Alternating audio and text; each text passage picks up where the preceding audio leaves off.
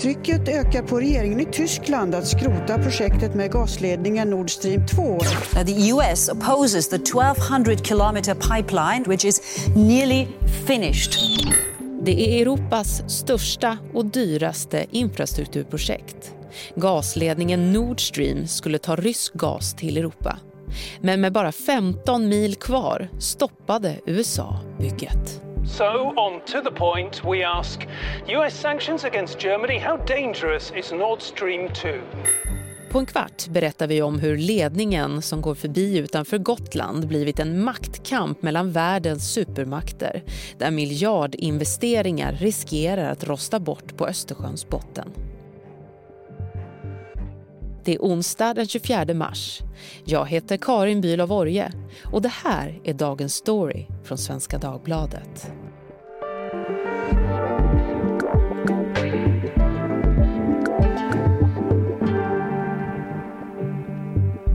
Thomas Lundin är vår mångårige Tysklandskorrespondent som följer den polariserade frågan om den ryska gasens väg mot Europa.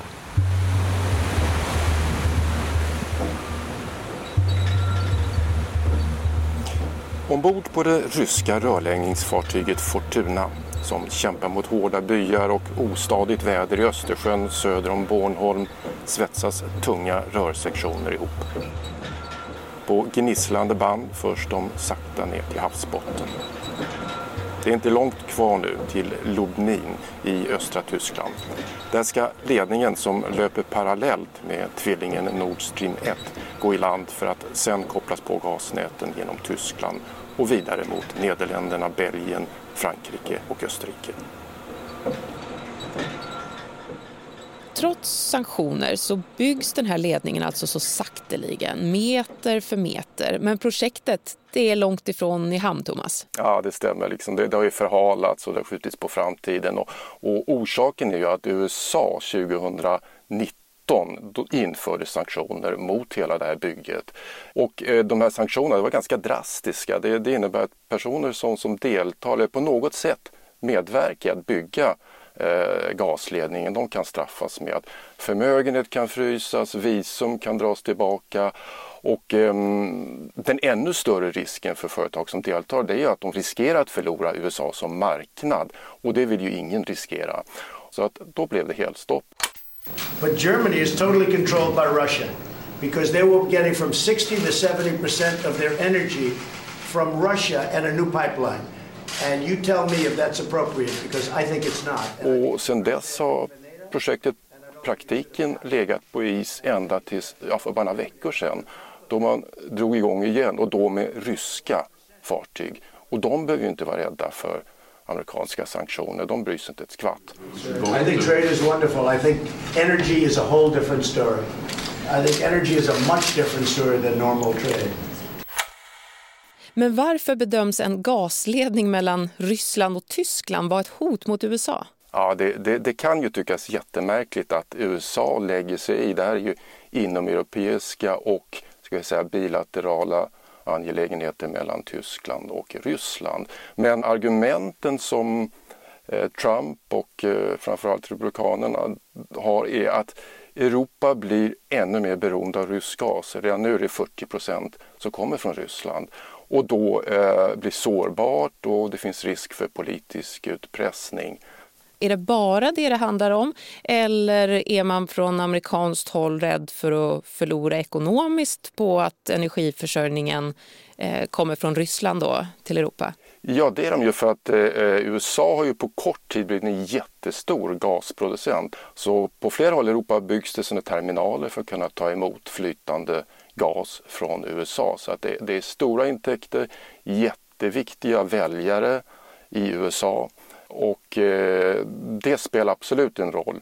Sen är ju det större geostrategiska spelet då slags eh, kvarleva från supermaktsrivaliteten under kalla kriget. Och då var ju argumentet att man eh, skulle använda kapprustningen för att tvinga dåvarande Sovjetunionen att liksom investera allt i försvar och vapenindustri. Och det skulle då till slut eh, få den, den sovjetiska ekonomin på fall. Och nu hjälper alltså Tyskland Ryssland att hålla ekonomin igång. Och det ser man som ett mer så säga, säkerhetspolitiskt hot. Så Nord Stream är mycket mer än ett infrastrukturprojekt? Ja, det är jättemycket mer. Det, dessutom river ju upp massor av, av ska säga, heta känslor.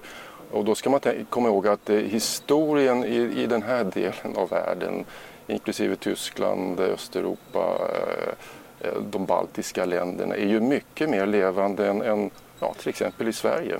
Eh, där, där minns man allt den här tiden då då de här länderna mellan Ryssland och Tyskland alltid klämdes, de styckades, de, de bara försvann från den politiska kartan och återupprättades i annan form. Så det här är mycket levande och eh, det är väl kanske den, mot den klangbotten man ska se också rädslan för ryskt inflytande och den rädslan är ju kanske inte helt obefogad om man tänker på, på ehm, ja, kriget i Georgien och, eller annekteringen av eh, delar av Georgien och sen Krim och eh, fortsatt konflikt i, i, i östra Ukraina. Så att det, det, det är det som håller den här rädslan vid liv på något sätt. Ich gratuliere Joe Biden ganz herzlich zu seiner Wahl zum 46. Präsidenten der Vereinigten Staaten von Amerika. Joe Biden bringt die Erfahrung aus Jahrzehnten in der Innen- wie in der Außenpolitik mit. Er kennt Deutschland und Europa gut. Tyskland hade ju stora förhoppningar nu på att Biden skulle se annorlunda på bygget av Nord Stream 2 än sin föregångare Trump. Men så blev det alltså inte? Nej, så blev det inte och eh, man har ju hört många signaler från Biden om en ny, en ny epok och ett nytt samarbete med Europa och bundsförvanterna.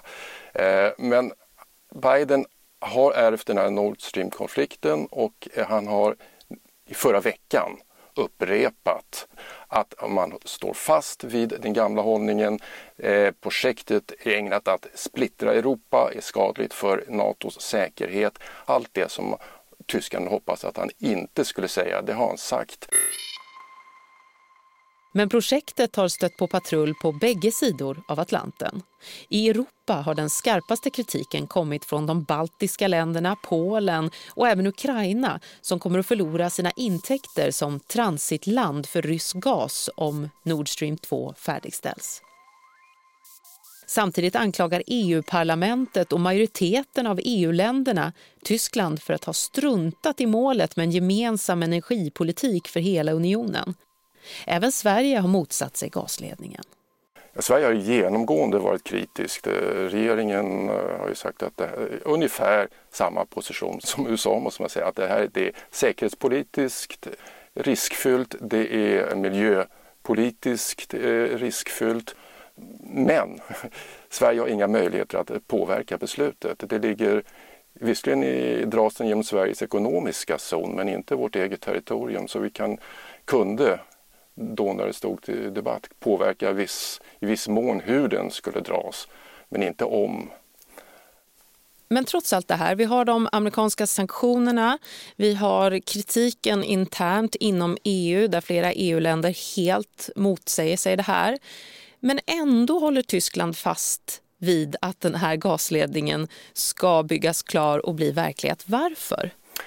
Ja, det finns ju flera skäl. För det första tycker tyska regeringen, det säger de öppet också, att det här har USA inte med att göra. De, de har inte rätt att liksom införa sanktioner. Det, det är vår europeiska och tyska angelägenhet. Sen har den tyska hållningen alltid varit, inte bara sen förra kriget utan också långt tillbaka, att alltid ha öppna kanaler till Moskva och liksom aldrig låta dialogen dö ut utan satsa på liksom handel och det, det, det finns det tyska uttrycket som är Wandel durch Handel, att man ska liksom förändras genom handel. Den ska liksom, länder tvingas att bli mer demokratiska och öppna genom att man handlar med andra länder. Sen har eh, Ryssland en otroligt stark lobby i det tyska näringslivet och i delar av politiken också. Så att de intressena finns, de är starka och eh, Tyskland är ju EUs starkaste ekonomi och eh, världens fjärde största ekonomi och en av världens största exportnationer. Och de har sina intressen och de tänker inte låta andra diktera villkoren.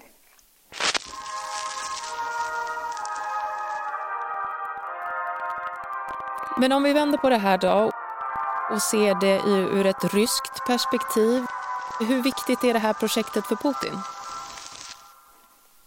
Ja, det, det skulle vara en, en, ett, ett, bakslag för Putin som också skulle vara svårt att förklara inrikespolitiskt och eh, Ryssland går ju till val i september så det, det, det skulle inte vara bra för honom. Sen ekonomiskt, alltså gasen fortsätter ju att flöda till, eh, till Europa. Det finns ju gasledningar, det är inte det som är problemet. Sen eh, Ryssland är ju som, som, ekonomi är det ju en, en ganska liten ekonomi, alltså det, ja, typ Italien ungefär. Men en råvarugigant och eh, hela logiken bygger på att man kan säkra stabila leveranser och att man kan garantera att gas eller olja, vad det nu kan vara, att det, det anländer till avnämarna och det här skulle ju då ifrågasätta på något sätt eh, hela den stabilitetstanken. Tyskland som stänger ner sin kärnkraft nästa år och som ska fasa ut kolkraften fram till 2038 behöver den ryska gasen. Varken den nuvarande regeringen med CDU i spetsen eller det tyska näringslivet tänker låta gasledningen begravas på Östersjöns botten. Men det tyska valet i september öppnar för en vändning. Motståndarna till Nord Stream hoppas på att Miljöpartiet, som helst vill stoppa projektet, ska sitta i regering. Skulle Tyskland utan CDU i regeringsställning kunna stoppa Nord Stream 2? Det blir nog ganska svårt att stoppa om förutsatt och det är förutsättningen att det är färdigbyggt redan då.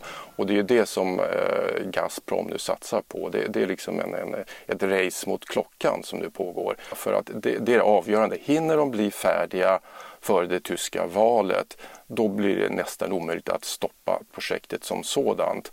Eh, efter valet eh, kan man då diskutera villkoren för hur det här ska användas och då finns det flera alternativ som nu diskuteras och flera tänkbara kompromisser.